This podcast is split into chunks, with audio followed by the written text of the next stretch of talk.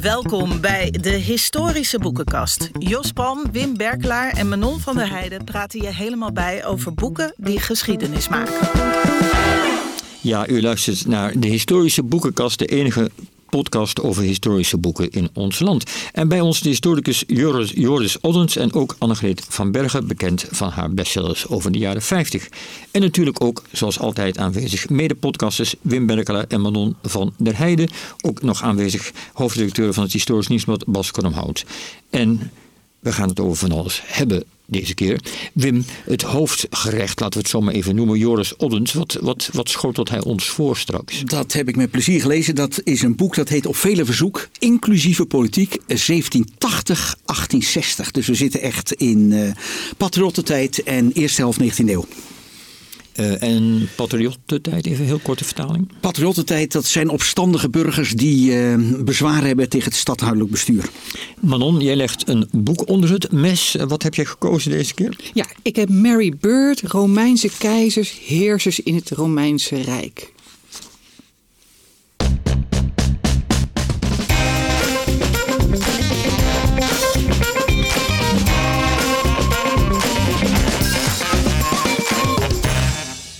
Ja, en nu op veler verzoek dus, inclusieve politiek in Nederland 1780-1860. Zo heet het boek van historicus Joris Oddens. En Joris zit hier. Joris, we gaan dadelijk dieper in op het boek, um, maar die ondertitel, inclusieve politiek. En dat in de late 18e en laten we zeggen de helft, ruim de helft van de 19e eeuw in Nederland. Hadden we toen al inclusieve politiek?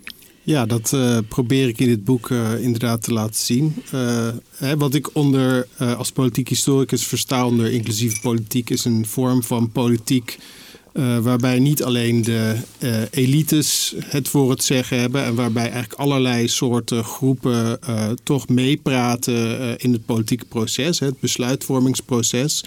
En dat was uh, in die periode rond 1800 uh, zeker het geval. Veel meer dan we vaak uh, hebben gedacht. Hè. Zeker voor die eerdere periode zien we dat vaak als de periode van de Republiek. Een oligarchische staat waarin er ja, alleen maar regenten elite ja. is. niemand wat verder te zeggen heeft. dan hebben we de periode van revolutie. Hè, de periode die dus begint met de patriottentijd van de jaren 1780 daarvan denken we van, uh, dan, dan komt er een korte fase waarin er inderdaad wel. De meest wat, tijd uit de Nederlandse ja, geschiedenis. Wat, wat grotere ja. politieke participatie uh, is. En dan uh, hebben we een periode waarin we eigenlijk zeggen van, dan doet het weer helemaal in. Hè. Dat is onder Willem I, het begin van het Koninkrijk der Nederlanden. Uh, uh, en, en, daarvan zeggen we als historici, hebben we lang gezegd, uh, dan praat er eigenlijk bijna niemand mee. Alleen Willem I zelf heeft alles voor het zeggen. En wat ik probeer te laten zien in het boek is dat dat eigenlijk hè, in die periode ja. veel, veel ja, meer continue lijn bestaat. In je bent het gaan onderzoeken en dacht, hier klopt iets niet in dat beeld. Daar gaan we het dadelijk over hebben. Ik ben even toch ook benieuwd naar, ik kijk naar Wim en Manon en ik kijk ook even naar Bas en ik kijk eigenlijk naar iedereen, why not. inclusieve politiek in de 19e eeuw eeuw, uh, late 18e eeuw. Uh, mag dat zomaar zijn eigen tijdse term gebruiken voor een historische studie? Is, is dat, een goede vraag. Hè? Want, vertel, hoe nou, kijk jij daarnaar, Manon? Natuurlijk in eerste instantie een beetje anachronistisch aan. Hè? Van je plakt een term van nu op het verleden. Maar uh, ik vind dat er ook wel iets voor te zeggen is om het wel te doen. En uh, dat is los van dat het natuurlijk prikkelend is en daardoor mensen iets gaan lezen. Denk ik, wat Joris doet, is heel goed uitleggen waarom hij die term gebruikt. En op welke manier en wat hij daaronder verstaat. En ik denk, dan kan je als historicus dat wel heel goed doen. Ja, en, en wat ik me kan. Maar ja, nee, eerst Wim. Wim, hoe kijk jij Nee, ik, wat, wat Manon zegt, ben ik het mee eens. Ik zeg er wel bij, maar dat gaat zo in het, zich in het gesprek ontvouwen met Joris. Ik zie er ook wel grote schaduwzijden van uh, als het er op de praktijk op aankomt. Maar dan gaan we okay, maar dat is, dat maar is, ik ben het met dat, Manon dat gaat eens. niet over de term, dat nee, gaat ik, over het, het, het begrip de gebeurtenis zelf. Ik vind het heel goed. Wat ik me kan voorstellen is, want er wordt vaak heel erg over gediscussieerd. En dan komt meteen het woord anachronisme komt ter tafel. Um, is het niet zo dat een historicus die iets nieuws en iets serieus wil ontdekken over het verleden. Uh, ik kijk even naar Bas Kromhout. Uh, Bas, ik ben benieuwd wat jij ervan vindt. uh, dat hij er eigenlijk juist goed aan doet om een eigen tijdse term los te laten op dat verleden, omdat dat juist de ogen scherpt. Ja, wij doen het natuurlijk best wel vaak. Als historisch nieuwsblad doe je dat vaker We natuurlijk. willen ook Ja. graag natuurlijk de, de- het, het grote publiek prikkelen eh, om eh, überhaupt zich te verdiepen in geschiedenis. We hadden het eh, in het eerste deel even over de term hooligans voor, voor supporters van, van wagenrennen die, die amok maakten in Constantinopel in de 6e eeuw. Ja, een hoo- hooligan is natuurlijk een, een eigen tijds term. Dat is ook een Britse term. Dus het komt altijd uit een bepaalde context. Ehm, ik heb daar minder moeite mee dan, dan termen die echt heel specifiek op een bepaalde eh, gebeurtenis of periode in de geschiedenis slaan, om die te trans- transponeren. Bijvoorbeeld een woord als, als fascisme maar overal voor gebruiken. Bijvoorbeeld. Dat vind ik lastiger dan een eigen tijdswoord gebruiken voor iets in het verleden. Want ja, de hele taal is ook geëvolueerd. Als je dan heel streng bent, dan moet je eigenlijk in het, in het, in het Oud-Grieks eh, over gaan schrijven over Constantinopel. Want dat is de enige taal die echt kan uitdrukken hoe het werkelijk eh, zat. Ja. Maar mag, mag ik nog iets zeggen over Ja, waarom ik die, die term heb gekozen? Kijk, voor mij is het ook een soort van alternatief voor hoe we doorgaans kijken naar politieke participatie in die periode. Hè. Als historici hebben we dat lang history from below genoemd, geschiedenis van onderop. En daar hou ik eigenlijk niet zo van, van die term. Omdat dat suggereert dat je eh, toch van boven neerkijkt op die mensen daaronder. En eh, denkt van, ach, laten we hen ook een stem geven. Eh, en en, ik, wat ik heb laat, willen laten zien is dat de stem van de burger...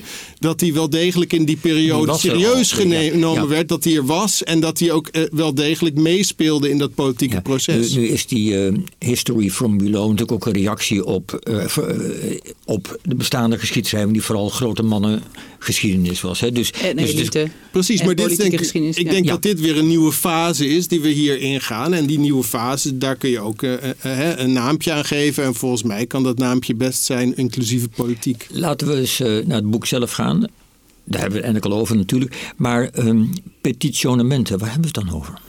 Ja, eh, het gaat om eh, eh, een fenomeen dat in de geschiedenis met allerlei verschillende woorden is geduid. Het woord dat in de tijd zelf het meest werd gebruikt was request. Ehm, en eh, petitie is een woord dat we nu natuurlijk veel kennen. Petitionement is weer net iets anders. Een petitionement is een soort van massapetitie zoals die er in de 19e en 20e eeuw eh, eh, zijn geweest. Maar petities of verzoekschriften, dat was eigenlijk een veel breder fenomeen. Dat we overal in de Nederlandse samenleving en ook in alle andere samenlevingen zo'n beetje zagen vanaf de middeleeuwen. Eh, en dat eh, ja, een hoge vlucht nam in die vroegmoderne tijd, in de, in de 17e en 18e eeuw. En rond 1800 zien we belangrijke ontwikkelingen in de praktijk van het indienen van schriftelijke verzoeken. Want daar gaat het uiteindelijk om. En dat kan dan één iemand zijn die dat indient, of het kan een groep mensen zijn die het indient. We hebben nu dus nog petities, we kennen het fenomeen wel, maar we zijn een beetje vergeten hoe belangrijk het was. Ja. Maar mag je het eh, eh, vergelijken met eh, de, de boomergeneratie? Is het, kijk even naar Annegreet. Ehm, de boomergeneratie is één fenomeen wel bekend: handtekeningenactie. Er kon niet ergens een kippenhok worden afgebroken of er ontstond een handtekeningenactie tegen of voor. Ehm, mag je daar een beetje mee vergelijken? Ja, nou ja, een handtekening. Kijk, eh, eh, een, het karakter van een, een handtekeningenactie is een eh, petitie zodra eh, eh, hetgeen wat ondertekend is, wordt ingediend bij een autoriteit. Dus eh, dat is wel eh, eh, Dat was ook meestal dat- de bedoeling van die Precies, dus op het moment, dus je, je, je verzamelt handtekeningen, eh, je wil iets en vervolgens dien je dat in bij een autoriteit. En dat kan iedere autoriteit zijn. Het kan het parlement zijn, het kan de koning zijn, maar het kan ook gewoon een eh, dorpsbestuur zijn. Eh, eh, en dat gebeurde ook heel veel. Maar Joris, ik heb, eh, Ja. een van de grote thema's volgens mij van je boek is dat je zegt. ehm, die hele petitionementenbeweging is er ook. ehm, de, de gedachte erachter is ook om de corporatieve staat, in zekere zin. Maar dat moet je even uitleggen. Om die, eh, die corporatieve staat eh, te breken. Dus wat, die wat peti- is in dit verband de corporatieve staat, eh, Wim? Nou, dat ga ik even aan Joris vragen. Wat, wat, wat is daarmee bedoeld? Wat is de inzet van, van dit verhaal? Ja, dus in de tijd van de Republiek. Eh, dachten, werd er niet zozeer gedacht in individuen, maar er werd gedacht in groepen. dus groepen mensen die behoorden tot, uh, zoals men zei, corporaties. En een corporatie kon bijvoorbeeld een gilde, een gilde zijn, of een arme buurten, of een, uh, maar ook de stad, stad werd bijvoorbeeld beschouwd als een corporatie. Is dat niet een beetje de gemeenschapsgevoel en zin waar nu het CDA en in het voetspoor van de CDA, de BBB en weet ik veel uh, Ja, of wat je voor de 19e eeuw civil society uh, noemt. hè? Dus het, het idee dat de samenleving is opgedeeld in groepen en die groepen hebben allemaal hun eigen uh, rechten en privileges en die hoeven niet per se gelijk te zijn aan elkaar. Uh, en het was heel gebruikelijk om uh, in de uh, Republiek verzoekschriften in te dienen met jouw corporatie. Dus gilden dienden bij stadsbesturen verzoekschriften in als ze iets wilden bereiken. Dat wat was, was, het bezwaar daartegen, Joris? wat, wat was het bezwaar dan van, die, van degene die met die petitionenten kwamen? Nou, kijk, dus die verzoekschriften werden ingediend door corporaties. Uh, wat er ging veranderen in het revolutietijdvak was dat uh, men ging zeggen van we, we vinden het eigenlijk niet goed dat uh, die verzoekschriften door corporaties worden ingediend, omdat daarbij uh, het alleen de bestuurders zijn van die gilden die verzoekschriften indienen. En dat doen alsof ze dat doen namens een hele groep. Terwijl die groep daar helemaal niet noodzakelijkwijs toestemming toe heeft gegeven. Dus er is sprake van een soort van vertegenwoordiging die die revolutionairen in de patriottentijd en de Bataafse tijd daarna niet meer wilden. Want het... die, die geloofden in een andere vorm, een nieuwe vorm van vertegenwoordigend bestuur. Is het dan eigenlijk heel simpel, dit is de relatie tussen staat en volk moet de relatie tussen staat en burger één op één worden? Ja, dus, eh, eh, eh en dat daarom al die clubjes die dan maar lopen te kutten met hun dingen, of lopen te klooien met hun dingen, sorry, dat de kutten halen we eruit, dat je die een beetje moet, moet elimineren? Nou ja, eh, het idee was dat uh, inderdaad in, individuen hadden een individuele relatie tot de staat. het was niet zo dat die groepen geen petities mochten indienen. Maar ze vreesden heel erg, ook bij bijvoorbeeld politieke clubs die in, de, in het revolutietijdvak opkwamen, dat er dan ehm, demagogen waren die mensen misleiden, waardoor mensen zich door die, door, die, door die demagogen lieten vertegenwoordigen. Dus wat ze zeiden was: voortaan, als er uh, petities worden ingediend, moet iedereen uh, individueel zijn handtekening of haar handtekening zetten onder, de, onder die petitie. En dat is iets wat ze uh, in de Bataafse tijd, dus in de jaren 1790, uh, hebben opgenomen in de grondwet. Toen voor het eerst het petitierecht als, als recht in de grondwet kwam. Dat kwam niet omdat er daarvoor geen petitierecht was, maar het kwam omdat er voor het eerst een grondwet kwam op dat moment.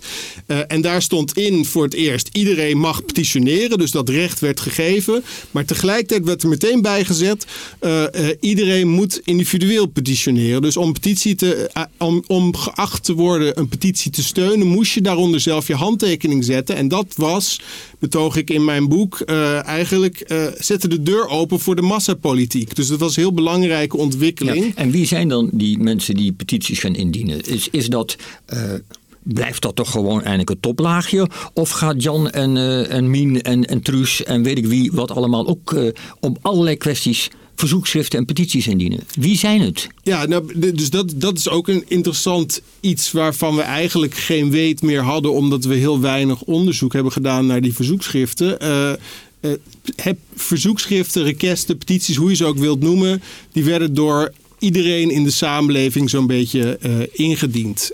Dus allerlei uh, ondergeprivilegeerde groepen waarvan we niet het gevoel hebben dat ze een stem hadden rond die tijd, die petitioneerden wel volop. Hè. Dan heb je het over mensen zonder uh, stadsrecht, plattelandsbewoners, uh, niet uh, gereformeerde vrouwen.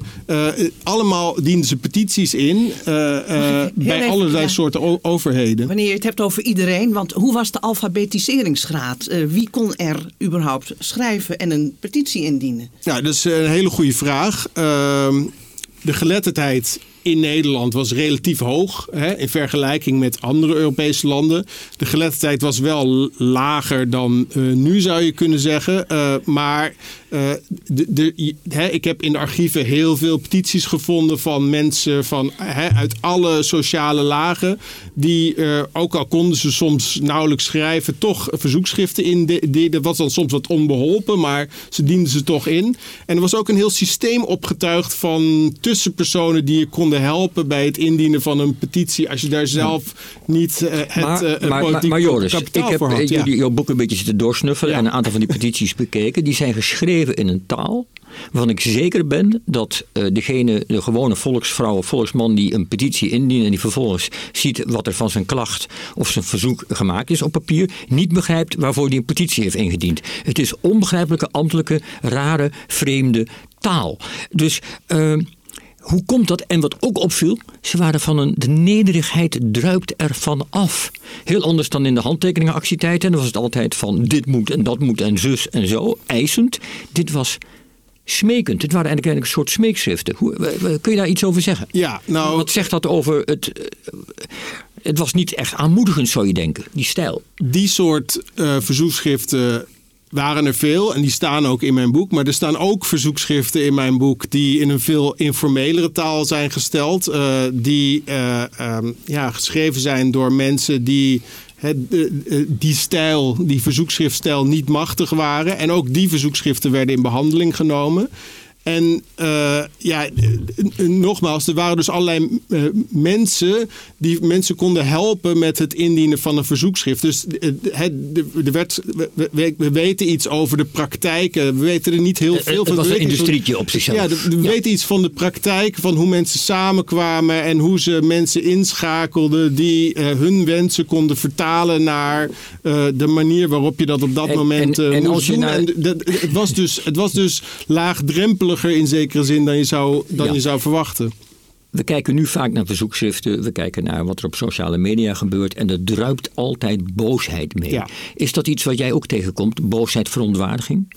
Ja, en het is, je zou kunnen zeggen, soms lijkt die stijl heel onderkoeld. Maar er zit uh, toch vaak iets heel passief-agressiefs achter. Hè? Mens, uh, machthebbers op dat moment, die realiseerden zich vaak wel degelijk dat het indienen van het verzoekschrift was onderdeel van al een heel repertoire aan verschillende actiemiddelen die mensen tot hun beschikking hadden, waarvan sommige ook veel gewelddadiger waren. En dat het indienen van het verzoekschrift, dat was uh, hè, onderdanig geformuleerd, maar daarom niet minder uh, indringend voor die machthebbers. Omdat ze wisten dat als we dit naast ons neerleggen, als we dit negeren, dan wordt er opgeschaald. En dan, dan, wordt, dan wordt, het, wordt het ja, wel maar Joris, we moeten natuurlijk, dat hebben we nog helemaal niet gedaan. We zitten in een gesprek al, we zitten al een kwartier over het onderwerp te praten. En ik heb nog steeds niet gevraagd naar een paar simpele voorbeelden, dat we allemaal snappen waar het om gaat. Kun je één of twee voorbeelden geven van een typisch verzoekschrift, en dan het liefst maar een beetje van die verzoekschriften of, of petities, die ook een beetje raken aan een groter onderwerp. Een paar voorbeelden Nou ja, het, gaat van klein naar groot. Dus hè, het gaat van mensen die petitioneren om uh, vrijlating uit slavernij. Uh, tot uh, groepen die petitioneren voor hun politieke emancipatie. Dan hebben we het over de Joden of de, de vrouwen die vragen om meer politieke rechten in de Bataafse tijd, dus in de jaren 1790. tot groepen mensen die uh, bijvoorbeeld in de jaren 1840 uh, met z'n allen samenkomen om te petitioneren om de belangen van hun dorp te vertegenwoordigen binnen de provincie of binnen de staat.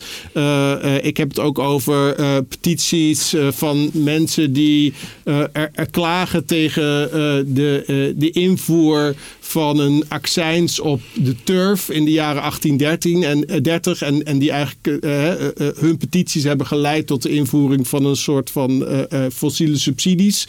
Dus ik probeer te laten zien hoe petities bij alle lagen werden ingediend. En ook dat er, dat er een soort van glijdende schaal is tussen wat je zou beschouwen als heel nederige, individuele. Uh, niet uh, politieke verzoekschriften tot echt van die massapetities, de petitionementen, die door echt vele duizenden mensen en werden hoe, ondertekend. En hoe werd er door het bestuur gekeken naar dit instrument? Was er iets van angst dat demagogen ermee aan de haal zouden gaan? Wat... waar we nu het steeds over hebben. Denk even aan, uh, het, wat was het weer, het Oekraïne-referendum. Ja, Jan Roos. Jan Roos. dat soort angst. dus die angst kon er zijn. bestuur stonden er vaak heel ambivalent tegenover. Enerzijds gaf het hun heel veel informatie over wat mensen in het land belangrijk vonden. En ze, reageerden, ze, ze, ze reageerden vaak ook heel reactief. Hè? Dus ze gingen pas wetgeving maken als er een verzoekschrift werd ingediend. Maar, maar Joris, ik vraag me nou af, hè, wanneer komt dan die omslag? Hè? Want bijvoorbeeld als je het boek, naar het boek van Maarten Prak, Stadsburgers, gaat kijken, dan zie je juist hè, dat daarin die corporaties en die petities heel goed weergeven dat die, zo, die bestuurlijke elite wel een, uh, een veel grotere bevolkingsgroep representeerde. Blijkbaar komt er dus een omslag waarin dat plotseling als probleem wordt gezien. Je bedoelt, er is dus een moment dat mensen niet meer het gevoel hebben: dit is ons bestuur. Wat in de tijd van de Republiek, uh, et cetera, 17 nog wel zo was. Voor, in ieder geval voor de, de toedoende burgers. En, en, blijkbaar, ken ik is ergens iets misgegaan. Waar is er dan iets misgegaan? En, en wat? Bij wie ligt dat dan? Hè? Ligt dat dan bij de bevolking zelf? Maar jij zegt eigenlijk nee, het is ook de overheid die dat als probleem gaat zien. Dus waarom veranderen we nou en wie wil dat veranderen? Maar dat is de revolutionaire overheid. Hè? Dus hè, in de tijd van de Franse Revolutie hebben we in Nederland ook een revolutie gehad. En, uh, en de, een van de belangrijke aspecten van dat revolutionaire denken was uh, het denken over uh, politieke vertegenwoordiging. Dat die echt moest gaan veranderen. En een onderdeel daarvan was dat als je uh, um, hè, als mensen namens jou een petitie indienen, dan moet wel duidelijk zijn dat jij het ook eens bent met die petitie en dat je daarin hebt toegestemd. En, en, en daarvan werd gezegd van in die corporatieve manier zoals we dat in de Republiek deden, is dat niet voldoende gegarandeerd. En ja, dus moet er democratisering, het is, het is verlichtingsdenken, dat is eigenlijk wat erachter zit. Ja, en dan krijgt elke persoon recht van petitie. En voor die tijd was dat vooral in de praktijk. Gewoonte, als gewoonterecht bestond het altijd Jawel, al. Maar in de praktijk werd het van een groepje. En nu werd het vastgesteld dat het, elke burger het recht had. En waren er blijkbaar anderen die jou vertegenwoordigden. En dat was oké blijkbaar we het niet meer oké vonden. Maar Joris, mag ik nog een vraag stellen over... ja, sorry. Ja, ga Jes. Nou ja, nee, maar dit, dit onderwerp hebben we nu... We moeten even, ik, wil ook nog wel reageren op wat jij zei over of die overheden daar niet uh, angstig uh, van werden. Dat was natuurlijk soms wel uh, het geval. Hè? Dus ze stonden er heel ambivalent tegenover. enerzijds vonden ze het fijn en anderzijds probeerden ze het ook wel te onderdrukken. Er zijn wel allerlei pogingen geweest tot repressie van petities. Dus lokaal zijn er wel verboden uitgevaardigd. Maar die hielden toch nooit lang stand. En, en dat kwam voor een deel ook door dat vooral in Nederland, hè, het verhaal dat we onszelf vertellen over onszelf, dat begint eigenlijk met een petitie. Hè. Het smeekschrift der edelen, dat is zeker in die tijd werd dat uh, gezien. Je gaat veel te snel. Het smeekschrift der edelen, dat is uh, Willem van Oranje en zijn clubje, of ik weet niet eens of Willem eigenlijk al meedeed, die meer rechten eisen van de koning van Spanje in de 16e eeuw. Precies, ja, dus in, hè, ja. en, en dat, uh, dat werd zeker in die tijd nog sterker dan nu gezien als het begin van de 80-jarige oorlog. Hè. Dus daarmee begon eigenlijk het ontstaan van van Nederland. Dus uh, dat was ook niet iets wat uh, overheden zo makkelijk konden verbieden. Want, het hoort uh, bij ons en het, het hoort, bij, bij ons oorsprongsverhaal. Ja, maar ja. Joris, in dit verband moeten we een andere naam noemen. Laten we zeggen de aartsvader van onze moderne democratie, Thorbecke. Daar zit volgens mij, als ik jou goed lees, die ambivalentie ook. Thorbecke is in principe voor het petitionement. Maar als het erop aankomt, dan is die weer regent. Leg eens uit. Ja, maar dat hebben we, en dat komt omdat Thorbecke. Nou, nee, nee, Joris. Sorry. Ja. Nee, ik, was, ik wilde nog een vraag bij doen, maar kom maar, hop, sorry. Nou ja, ik, ik, ik, ik heb dus eens even geprobeerd te, te uh, achterhalen wat Thorbecke nou vond van petities. Want er is heel veel geschreven over Thorbecke, maar uh, niemand heeft eigenlijk gekeken naar wat vond hij nou van die petities. Hij wordt natuurlijk altijd gezien als hè, de vader van het huidige parlementaire stelsel. En de opkomst van de, van de parlementaire democratie wordt heel vaak aan hem verbonden. Maar wat vond hij nou van petities? Ja, dus, uh, dat, hij, hij schoot eigenlijk uh, als er op het moment dat er petities werden ingediend die hem onwelgevallig waren, dan schoot hij toch in eenzelfde verdedigende reflex uh, als de regenten uit de Republiek. Ja. En dan zei hij van deze mensen zijn niet te vertrouwen en ze zijn misleid. En uh, we moeten dus daar op de een of andere manier kritisch tegenover staan. Maar het is toch ook dezelfde, dezelfde die niet voor algemeen kiesrecht was. En die zei, we hebben zo'n grote groep onbewuste mensen in onze samenleving. We moeten dat stapje voor stapje opbouwen. En dit, ja. deze reactie op dat petitionement zal min of meer uit uit dezelfde gedachten voortkomen. Als we uh, naar het nu gaan, Joris, want je hebt dit boek ook geschreven met natuurlijk de beroemde, bekende academische historische interesse, maar ook misschien wel met de gedachte, hebben we er nu nog wat aan? Hoort, je zegt dit hoort bij ons. Is dit nu het instrument om onze democratie weer een beetje op te vijzelen en het beroemde wantrouwen tussen burger en politiek weer een beetje op te heffen? Nou, ik heb daar wel ideeën over. Nou. Ik, uh, ik, ik, ik het, Vertel. Het, het uh, Kijk, we hebben in Nederland anders dan in andere landen eigenlijk geen parlementair petitiestelsel. De, eh, de petitie zoals we die nu hebben is een heel slecht ontwikkeld instrument. Mensen snappen mensen kunnen bijvoorbeeld een petitie indienen bij de Tweede Kamer, maar ze snappen niet hoe dat werkt. Er is heel weinig, uh, vanuit de Kamer wordt er heel weinig aan informatievoorziening erover gedaan. Uh, en we hebben wel een burgerinitiatief, dat is een ander petitionair instrument, maar dat is heel moeilijk, want dan moet je aan allerlei criteria voldoen.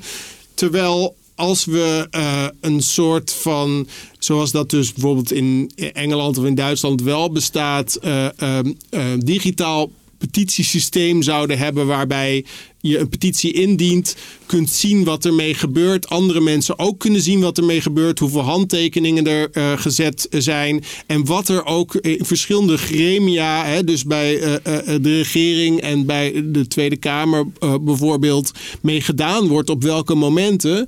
Dan zou dat denk ik heel veel onvrede kunnen wegnemen over, over uh, nou ja, uh, het functioneren van de, de, hoge heren in Den Haag. Goed, we hebben dus als samenleving ook alle mensen die zich met heruitvinden van de democratie bezighouden met nieuwe, nieuwe initiatieven als, als referenda, maar ook burger, burgerraad en zo. Hebben eigenlijk een beetje zitten slapen, want we hebben iets ouds in de kast liggen wat moet worden opgevijzeld. En dat kunnen we allemaal lezen in het boek op velerlei verzoek inclusieve politiek tussen 1780 en 1860. Joris, dankjewel. Dankjewel. De boekbespreking van Manon van der Heijden. Ja, Manon. Keizers van Rome, heersers van het Romeinse Rijk. Zo heet het nieuwe boek van Mary Beard. Beard. Uh, jij las het voor ons. Uh, ja. uh, zullen we het voor de afwisseling maar even gewoon beginnen bij Mary zelf? Dat schijnt nogal een eigenzinnige mevrouw te zijn... die toch misschien juist daardoor ook heel populair is. Vertel ja, eens, wie Mary is zij? Bird is een zeer uitgesproken historica. kennis van de oudheid. Ze heeft haar sporen absoluut verdiend. Een Cambridge hoogleraar.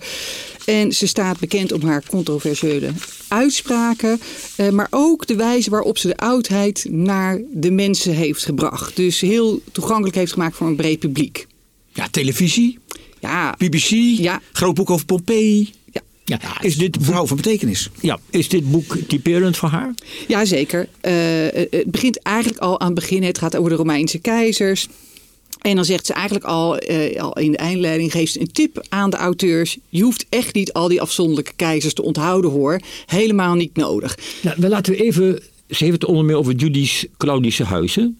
Ze heeft het over Alles. alle keizers. Ja, ze, loopt, ze loopt tot mag, ik 212. even, mag ik even een poging doen? Uh, gewoon even om te testen. klopt. We zitten hier met allemaal zwaar gestudeerde historici. Niet van de oudheid, wie, hè? Wie kan het Julius Claudische huis even opzeggen voor ons? Ik kijk naar Wim. Ik heb zo'n vermoeden dat Wim dat kan. Augustus, C- nee, Caesar, Augustus, eh, Tiberius, ehm, Caligula, Claudius, Nero. En dan het eh drie keizerjaar. In goede volgorde ook nog, Wim. Dankjewel. We gaan, we gaan terug naar waar we, waar we waren gebleven. Zij zegt... Misschien handig ook even voor andere- Annegreet? In welke periode hebben we het wanneer we het over de keizers hebben? Anders dan de republiek. Eh, laten we zeggen, ehm, ja, dat is heel goed. 44 voor Christus, en 69 na Christus. Dat is, dat is het Julius Claudisch huis. En dan loopt het verder. Ja. Dus de laatste periode behandelt ze niet. Nou, ze, ze loopt tot 212. Ja. Maar het is daar dus niet te doen om iets schools van dat je je feitjes weet. Ze wil iets anders. Wat wil ze met dit boek?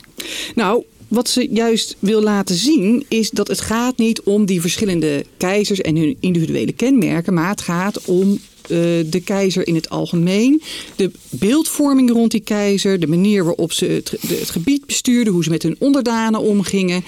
Het gaat dus eigenlijk haar veel meer om beeldvorming, representatie en minder om van wat was er nou werkelijk en wat zijn de kenmerken nou van die individuele keizers? Ja, maar de grap is, als je het boek openslaat, begint ze met een keizer die bijna niemand meer kent. Ja. eh, en die werkelijk helemaal niet wilde deugen. Eh, Nee, een fantastisch voorbeeld. Ja, wat markeerde Eh, aan ik- hem Het is en een hele ingewikkelde ja. naam. We gaan het maar even proberen. Ela Gabalus. Eh, en er was nog een tiener toen hij keizer eh, werd, eh, rond twee, eh, 2018. En hij stond bekend om zijn sadisme, omdat hij zo extravagant was, maar dat hij ook heel erg inventief was. En hij hield ervan om bij eetgelegenheden zijn gasten te pesten. En daar zat heel veel humor in, maar er zat ook heel veel sadisme in. Bijvoorbeeld, hij nodigde allemaal hele dikke mannen uit en zette ze dan naast elkaar op een bank en daar kon, die was te klein. En dat vond hij enorm grappig. Hij liet de gasten op scheetkussens zitten. Eh, hij eh, nodigde gasten uit en eh, eh, zette ze dan geen eten voor, maar glas of oneetbaar voedsel. En dan waren er ook weer anderen bij die wel heerlijk voedsel voorgezet kregen. Weer anderen die werden de volgende dag na een baganaal en heel veel drank werden die wakker en eh, bleken in één keer in een hol met tamme leeuwen en luipaarden te bevinden. Nou, dat vond hij allemaal enorm lollig eh, om te doen.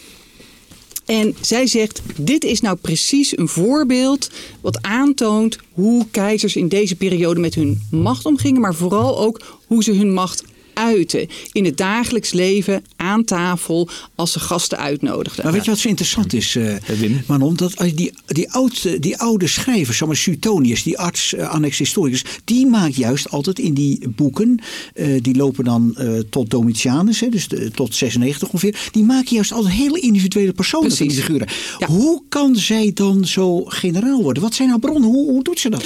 Nou, wat ze. Eh, daar zit trouwens wel een probleempje, maar daar moeten we misschien straks maar even over hebben. Maar wat ze laat zien is eigenlijk, en, dat is ook haar, haar betoog. We hebben eigenlijk altijd veel te veel nadruk gelegd om die individuele kenmerken. Eh, we vonden dat allemaal prachtig om te kijken eh, hoe ze als mens waren. Maar eigenlijk waren die keizers bijna inwisselbaar. En hadden ze ook bijna allemaal dezelfde tactieken, technieken om eh, het, eh, hun bevolking te onderwerpen, maar ook vooral om hun macht te laten zien. En eh, dat is allemaal gebaseerd op angst, op Ja. bloedig optreden. Ehm, en De- zij de- zegt, dat is kenmerkend voor al die keizers. Daar zit een continuïteit in. En, eh, eh, en in die zin is het veel interessanter om te kijken naar de patronen dan naar die individuen. Dat is eigenlijk haar betoog. Maar mag je het nu zo zeggen, die, die keizers die voldeden allemaal aan één, één eis, namelijk ze voerden hun eigen theater van de angst op. Ja, precies. Dus Ja. Het, het is inderdaad een toneelspel waarbij steeds wordt de, de vernedering, de, de, eh, de macht wordt, wordt benadrukt eh, van de keizer ten aanzien van, nou, dat kan van alles en nog wat zijn. Dat kunnen senatoren zijn, maar dat, kan, dat kunnen ook zijn slaven zijn. Dat kunnen vrijgemaakten zijn. eh, dat kunnen allerlei mensen in de hofhouding zijn. Maar ik moet zeggen, Manon, ik heb het boek niet gelezen, maar het overtuigt mij niet. Het overtuigt mij niet. Nee, ik bedoel dit. Ik, je weet allemaal iets van die keizers. Maar er zitten toch echt wel verschillen tussen die keizers. Ik bedoel, ehm, eh, zij schrijft- beschrijft ongetwijfeld ook Trajanus. De Spaanse keizer eh, eh, leeft van 96 tot Ja. 118. Ja. Zo'n expansionist, zo'n militair die gewoon aan de slag gaat. En dan Hadrianus, die adoptiestiefzoon die heel anders is. Die bewaakt die grens van het Rijk. Wat, dat, jij kan toch die individuele verschillen niet helemaal wegpoetsen? Nou, dat doet ze ook niet helemaal hoor. Dus da, da- da- ze heeft er ook wel een kanttekening bij. Maar haar algemene betoog, of eigenlijk waar ze de lezer van inderdaad van wil overtuigen, is dat er uiteindelijk eh, zag het volk steeds weer een keizer die overheerste en zijn macht op een hele bloedige manier uitte. En die zagen en voelden daar eigenlijk heel weinig Ja, verschillen want, want in. je kunt, eh, om even een hele rare vergelijking te maken, hier hebben we het over een soort gewelddadige, agressieve manier. En ook af en toe- Sadistisch. eh, sadistisch en af en toe ook paaien, hè, geven en nemen. Ja. Een soort stijl, zodat je als keizer aan de macht blijft en wat van je verwacht wordt. Laten we nou eerlijk wezen, de verschillen tussen... eh, Noem eens even eh, Wilhelmina, Juliana, Beatrix en onze huidige koning. Die zijn natuurlijk op de lange afstand eh, verwaarloosbaar. Want ze moeten allemaal aan een bepaald patroon voldoen om te kunnen blijven bestaan. En dat is eigenlijk wat zij voor Ja. die keizertijd Ja, wat ze, wat ze wil zeggen, hè, het is, uiteindelijk gaat het om een autocratisch bestuur. Tuurlijk. Eh, en uiteindelijk eh, hebben ze toch dezelfde technieken. En ze, ze haalt dan ook Marcus Aurelius aan. Het is hetzelfde spel, maar een andere kast. Dus ook die keizers zelf zagen dat zo. Hè? Van, ik was inwisselbaar. En ze zegt, nou kijk, ook die bevolking die ziet dan wel, er komt een andere keizer met een nieuwe munt. En soms komt er nieuwe wetgeving en er komen natuurlijk prachtige nieuwe beelden, uh, beeldhouwwerken van die keizers. Maar uiteindelijk maakt dat voor die bevolking heel weinig uit. Want de manier waarop die keizers optreden, die blijft eigenlijk hetzelfde. Is ze ook onderzoekt ze haar eigen stelling ook in die zin van dat ze kijkt van uh, er worden beelden van die keizers gegeven. Nou, dat is allemaal theatraal, uh, rommelig. Nou, niet rommelig, maar er zit allemaal een, een gedachte achter. Nou, zij zegt uiteindelijk lijken die keizers ook steeds meer op elkaar als je gaat kijken naar die, die, die afbeeldingen van die keizers. Mm dat kan bijvoorbeeld verklaren waarom Caesar bijvoorbeeld wat minder kalend daarop stond dan die uiteindelijk bleek te zijn. Uh, dat, daar zegt ze van, daaruit blijkt dat ze bijna inwisselbaar waren. Ze gaan steeds meer op elkaar lijken. Het aardige is dat ze in haar inleiding geloof ik ook schrijft. Ik wil eigenlijk ook een beetje achterhalen hoe het met hun leven werkelijk zat. Ja. En, en, daar zit, dat, er ja. zit dus spanning tussen dat doel aan de ene kant en aan de andere kant dat, dat algemene beeld geven. Nee, dat vind ik wel. Want kan ze dat oplossen? Komen we inderdaad wat Wim zegt, ze zijn niet allemaal hetzelfde. Nee, dus Komen ik geef we daar iets over aan de weet? Ik, ik vind wel, er zit een discrepantie in. Ze zegt enerzijds van nou uh, het gaat bij mij om beeldvorming, het gaat om representatie. wat zien we nou eigenlijk, hoe, wat anderen van hen dachten. En de werkelijkheid kunnen we niet achterhalen. Maar tegelijkertijd presenteert ze steeds allerlei informatie die wel als werkelijkheid zeg maar, wordt verteld. En waarbij je steeds niet weet waar gaat het nou om beeldvorming en waar gaat het nou wel om een realiteit. En ik vind dat ze dat niet oplost. Ook al probeert ze dat af en toe te doen in haar boek. En legt ze in het begin ook wel uit van dat zijn twee verschillende dingen. Ik vind niet dat ze dat uiteindelijk oplost. En ik vind ook wel dat je een beetje op je honger blijft daarin. Hè? Dat je dat uh, Vlaamse een Vlaamse uitdrukking is dat.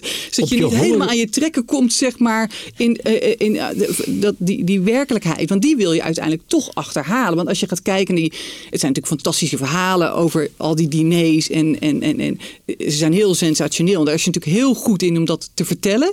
En dat is fantastisch. Dus het is zeker een boek wat je heel graag leest. Maar je wilt toch uiteindelijk ook weten, niet alleen of dit beeldvorming is, maar gebeurde dit ook echt?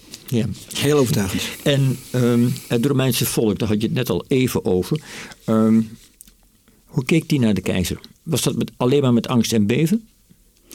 Ja, daar zegt zij uh, dus van um, dat het natuurlijk ook heel erg aan lag uh, om wie het ging en wie er aan dat wel of niet aan dat, aan dat hof, aan dat keizerlijke hof, zeg maar, uh, aan, aanwezig was.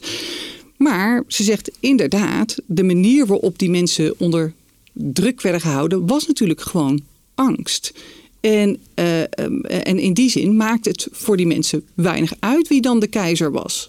Ja, ze schrijft zelf ergens van. Um, onder al die keizers was er een vreemde, uh, verontrustende dystopie ontstaan, gebouwd op misleiding en bedrog.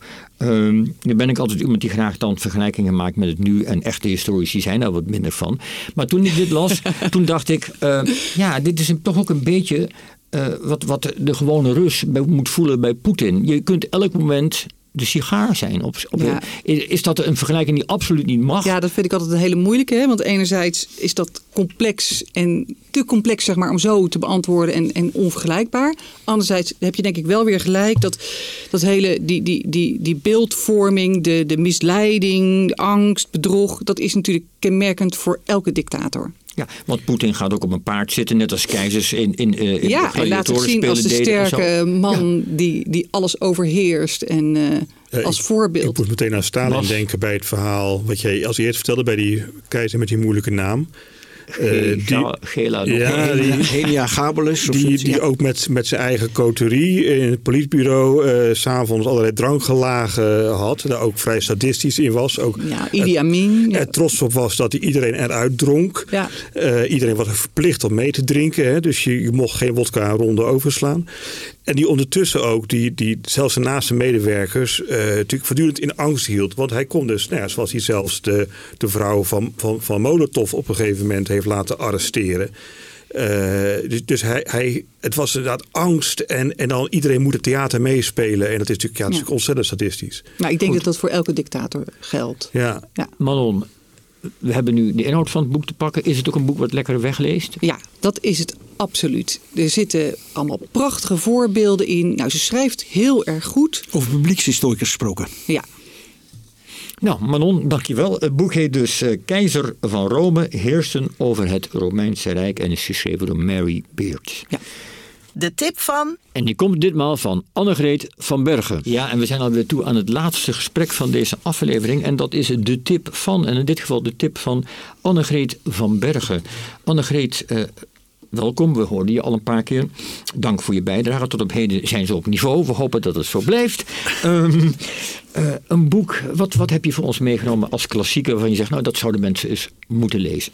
Nou, ik heb meegenomen de woordenaar Christoffel Plantijn, de grootste eh, drukker en uitgever. eh, en dat is geschreven door Sandra Langerijs.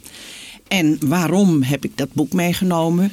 Nou, we hebben het over een historische boekenkast. eh, en we hebben het over boeken. Dus op zich is dit natuurlijk de ja, aartsvader van waar, hetgeen waar wij nu Anders hadden we hier niet gezeten, wou je Nou, zeggen. Nou ja, nee, dat lijkt me een beetje stug. Maar het is wel iemand die aan de wieg heeft gestaan van de grootschalige eh, boekenproductie, laat ik het zo maar zeggen, het boekdrukken.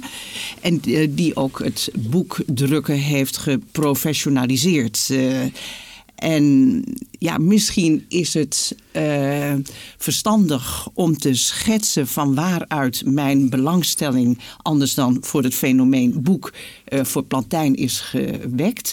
Ik ben eh, geen historicus, ik ben econoom. Ik ben wel met ja, geschiedkundig onderzoek bezig naar de industriële revolutie. Welke ontwikkelingen hebben geleid tot de industriële revolutie. En anders dan de meeste historici eh, denk ik niet dat er een monocausaal iets is, maar dat er allerlei verschillende eh, eh, ontwikkelingen zijn geweest. Ik doe een soort zoektocht. En een van de sporen die ik terug eh, ga is hoe is kennis verspreid? En want kennis, wetenschap, nou, dat is een van de pijlers van de industriële revolutie. En dan kom je eh, naar de boekdrukkunst als vervolg op de middeleeuwse praktijk van het eh, overschrijven van boeken op perkament, om het even heel kort te zeggen. Dus, nou, en dan kom je dus bij eh, Plantijn. We gaan dadelijk verder op diepe lantijn. Maar voor de luisteraars moeten we toch ook eventjes kort zijn biografie schetsen. Eh, wie was hij, waar kwam hij vandaan en was er ook een weeskind? Vertel even kort Serme Veneer. Hij, was, hij leefde van 1520 tot 1589. Was inderdaad een, werd op zijn eh, pakweg 14e wees. Zijn moeder overleed, naar men denkt, toen eh, de kleine Christophe Plantin eh, vier was. Toen is hij met zijn vader meegegaan. Zijn vader was gouverneur het mannelijk equivalent van gouvernante van eh, een aantal eh, broers uit een rijke familie. Ja, een soort, soort huisleraar zou je kunnen zeggen. Huisleraar, ja, en Die, f- ja, en kennelijk gingen ze dan wel mee naar allerlei En scholen. waar, waar was dit allemaal? Dit speelt, eh, hij is geboren in Parijs en Mhm. vader gaf les aan, aan jongens in Lyon. En toen gingen ze weer terug naar Parijs, naar ja, omzwervingen in Frankrijk. En ergens, eh, toen was eh, Plantijn, of toen nog Plantin, eh, in Parijs. En toen is zijn vader overleden. En zijn vader heeft hem een kleine som gelds eh, achtergelaten. Niet voldoende voor een universitaire studie.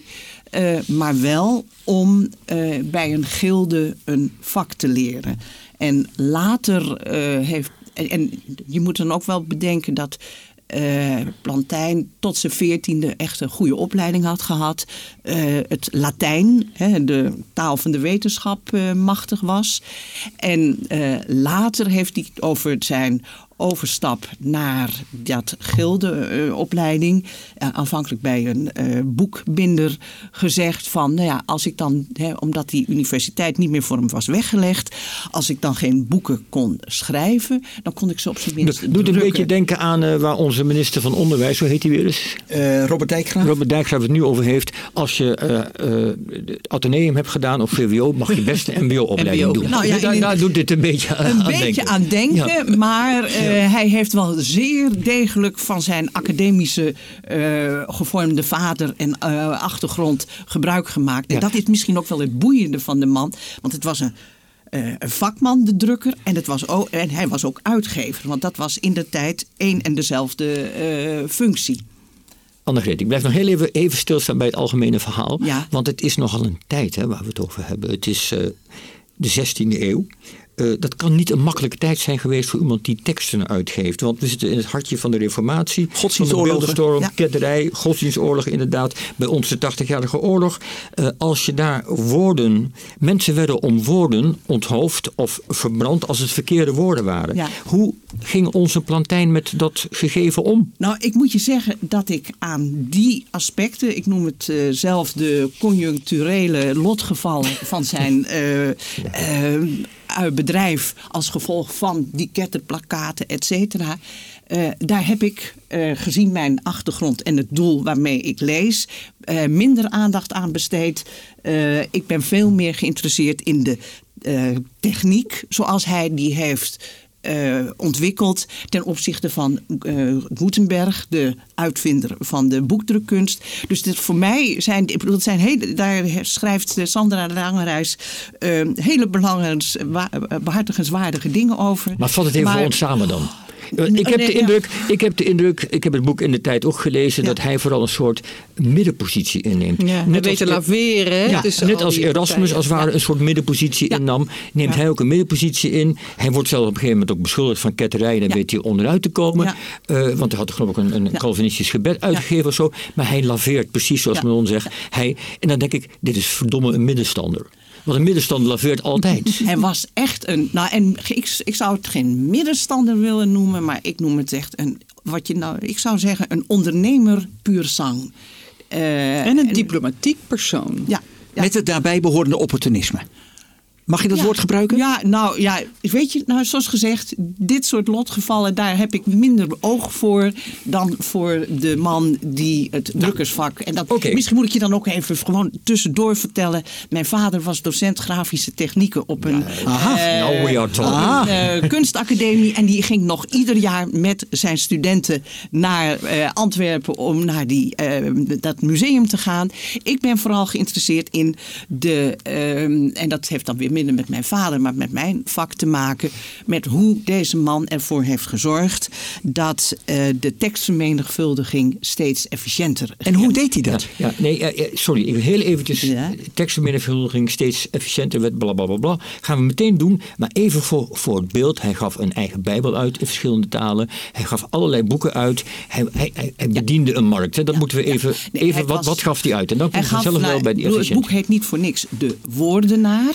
Dat is een lexicograaf, kun je dat zeggen. Iemand die uh, woord uh, in beeld brengt. Hij heeft een, het eerste Nederlandse woordenboek gemaakt. Want we waren net nog in Parijs. Maar nadat hij zijn opleiding in Normandië heeft gevolgd. En als 24-jarige voldoende had ja, geleerd, zijn leertijd had vervolmaakt, uh, was hij vrijgezel, is hij teruggegaan naar Parijs. Maar om daar nou aan het werk te gaan, dat lachte hem niet toe. Hij ging naar Antwerpen, handelsmetropool. Daar ja, lagen de kansen, nou niet voor het oprapen, maar daar lagen grote kansen. hij ging als Franstalige naar het Vlaamstalige Antwerpen. En heeft toen ook conversatiestukken tussen het uh, voor Franstaligen in het Nederlands uitgegeven. En een van die dingen die hij toen ook heeft gedaan, is uh, het ja, Nederlandse taal inventariseren, hè, de, de volkstaal, wat op zich al heel revolutionair was. Want Latijn, dat was de taal van de wetenschap en die werd gedocumenteerd. Ja, en met dat Latijn was hij niet ver gekomen, dus ik denk, ik ga een andere. Nou, nee, maar nou, dan, dan komt er op. De, ja. nee, de, de man die uh, uh, zakenmogelijkheden uh, ruikt. Die zag, ah, er zijn heel veel Franstalige immigranten in Antwerpen. Die markt ga ik bedienen. En tegelijkertijd eh, had hij dus het eerste woordenboek, uh, Nederlands zijn woordenboek heeft hij uh, samengesteld, samen laten stellen. En dat vind ik dan ook weer heel bijzonder door een uh, duur betaalde kracht. Dat is ook iedere keer wat je bij hem ziet, dat hij niet te beroerd was om geld te investeren in kwaliteit. En onder andere dan in uh, een man die uh, voor hem de betekenis van die woorden in kaart bracht. Nou, dat was het eerste. Hè? En maar daarnaast... hij was wat dat gewoon een pionier. Hè? Want hij heeft ja. natuurlijk eigenlijk voorzien, er was een groeiende markt. Door die economische groei van ja. Antwerpen, maar de ja. hele lage landen, krijg je natuurlijk gilden. Die hebben boekjes nodig voor de vaardigheden over te brengen. Je hebt enorme grote geletterdheid. Nou ja, want op zich, hij heeft het toch het vak geleerd in de tijd dat er geen boeken onderricht was. Want over ja, die leerboeken, daar wil ik straks nog wel even wat ja, over zeggen. Um, want dan hebben we het over die woordenboek en die uh, en dat zijn er echt zijn twee grote dingen. De Vulgaat-bijbel. Ja, dat is de vertaling de, de, van uh, Ambrosius, geloof ja, Nee, hij heeft het, nee, nee, de, de Bijbel in... Nee, de, de polyglot-bijbel. Ik haal moeilijke woorden okay. door elkaar. De, de, de Vulgaat, vergeten we even, dat de, was de polyglot, een, een, ja, nou, de polyglot en dat was een bijbel in meerdere talen. Meerdere talen met nou, de Latijnse uh, uh, vertaling erbij zodat de zelfstandige bijbellezing uh, binnen het bereik van mensen werd gebracht. Nou, dat zijn, zijn echt twee prestigeprojecten. Uh, maar op zich, uh, voordat je een drukkerij begint in het Antwerpen van de 16e eeuw, moet je een heleboel geld hebben. En Goed. hij erfde het niet. En nou, dat vind ik dan ook echt, dan hebben we het over de zakenman die uh, met zijn vrouw en inmiddels vijf dochters in uh, Antwerpen woont.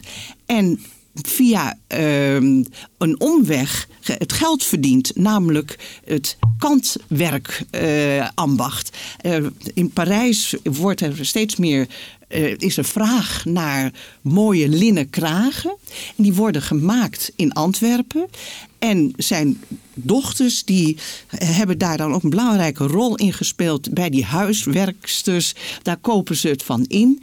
En dan via een hele, dat zijn aangenomen broer noemen ze, uh, noemt Sandra Langerijs het. In Parijs weet hij die, uh, dat, ja, die noviteit in Parijs te verkopen voor goed geld. En op die manier een kapitaal te vergaren waarmee hij die persen kan uh, aanschaffen. Is, is het een durfkapitalist?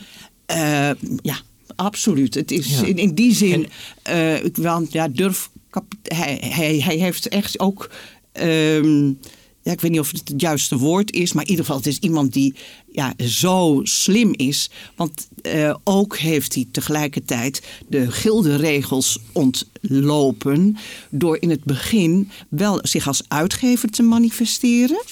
en bij anderen uh, drukwerk te laten vervaardigen. En dat mocht eigenlijk niet. Het is, maar Annegreet, het is een laveerder puur zang op allerlei punten. Maar, uh, nou, mijn vraag is, als hij verdient dat kapitaal, zoals jij het net uitlegt, dan begint die drukkerij. Begint die drukkerij als ondernemer om opnieuw geld te verdienen? Of zit er ook, door het maken van die polyglotbijbels, zit er ook een ideële kant aan als gelovige dat hij denkt, ik wil die bijbel en, en dat Calvinisme onder het volk brengen? Wat, de, de, wat is nou, een... Calvinisme misschien niet eens, maar de, de Erasmiaanse geest. De Erasmiaanse geest, zelf ja, kunnen nee, goede correctie. Absoluut, ja, maar nee, is dat idealisme of is het alleen maar ondernemerschap? Ik denk dat het een combinatie is. Okay. Uh, hij, het is echt, want hij en ook misschien wel ijdelheid. Van dat je zulke prestigieuze uh, uitgaven doet. Dat uh, ja, heeft hem uh, ja, voor heel erg goed voor zijn status geweest. Dus okay. ik denk dat dat een combinatie is geweest. Met name deze twee, uh, die uh, polyglotbijbel, dat heeft hem bijna de kop gekost. Maar hij was zo verstandig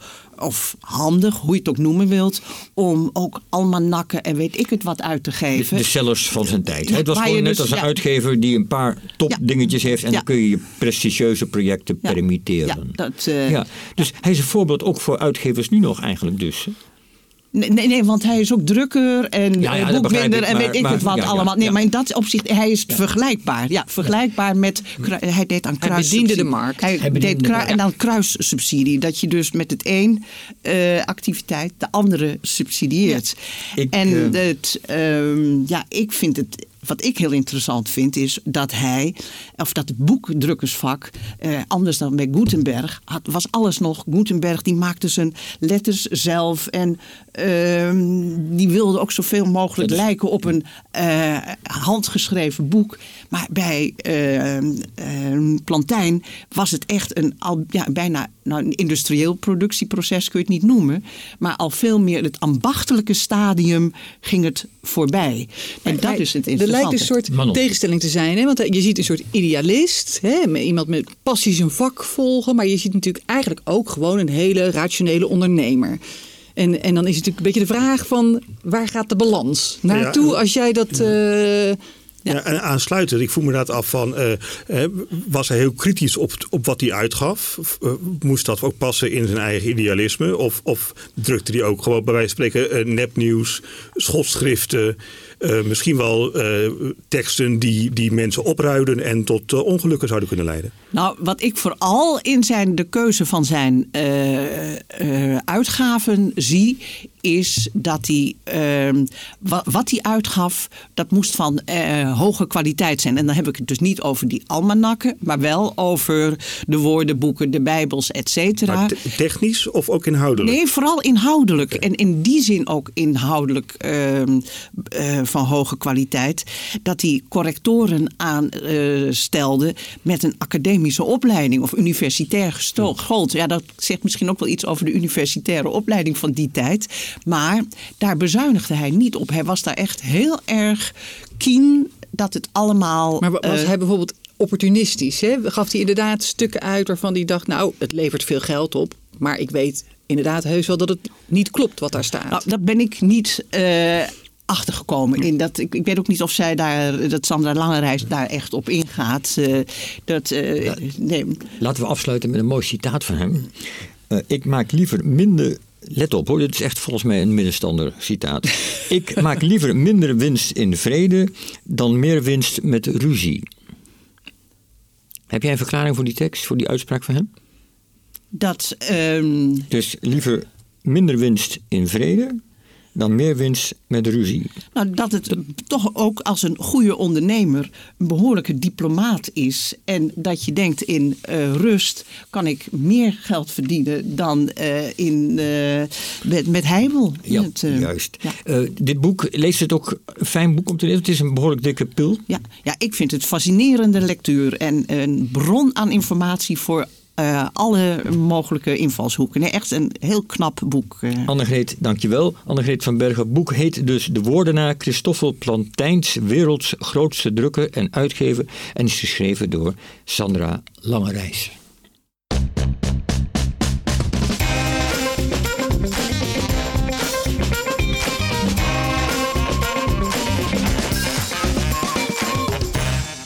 Ja, ditmaal hadden we het in de historische boekenkast over inclusieve politiek die al bestond in de 19e eeuw. We werden helemaal bijgepraat over het nieuwe boek van Mary Beard, over de even doortrapte als maniacale Romeinse keizers. En we hoorden waarom we de biografie over Christoffel Plantijn, de 16e eeuwse Erasmus van de boekdrukkunst, moeten lezen. Dank natuurlijk aan onze gasten Annegreet van Bergen en Joris Oddes, aan Wim Berkela en Manon van der Heijden voor hun meepraten en meedenken. En natuurlijk ook aan Bas Kromhout, die hetzelfde heeft gedaan, hoofdredacteur van het Historisch Nieuwsblad. En uiteraard dank aan Astrid de Jong, de nachtzuster op vrijdagnacht op Radio 1. Luister ernaar als u niet kunt slapen of blijf er voorop zelfs. Eh, zij wordt bedankt voor het lezen van de aankondigingen en natuurlijk vanzelfsprekend ook dank aan Nouri Kapai voor het verzorgen van de techniek. Je luisterde naar de Historische Boekenkast. Een podcast van Historisch Nieuwsblad. Wil je meer weten over historische boeken en verhalen uit de geschiedenis? Schrijf je dan in voor de nieuwsbrief via historischnieuwsblad.nl slash nieuwsbrief. En heb je vragen, opmerkingen of tips? Mail dan naar redactie.historischnieuwsblad.nl Deze podcast wordt mede mogelijk gemaakt door Boomuitgevers Amsterdam, Uitgeverij Lano, Uniboek Het Spectrum en Libris Boekhandels.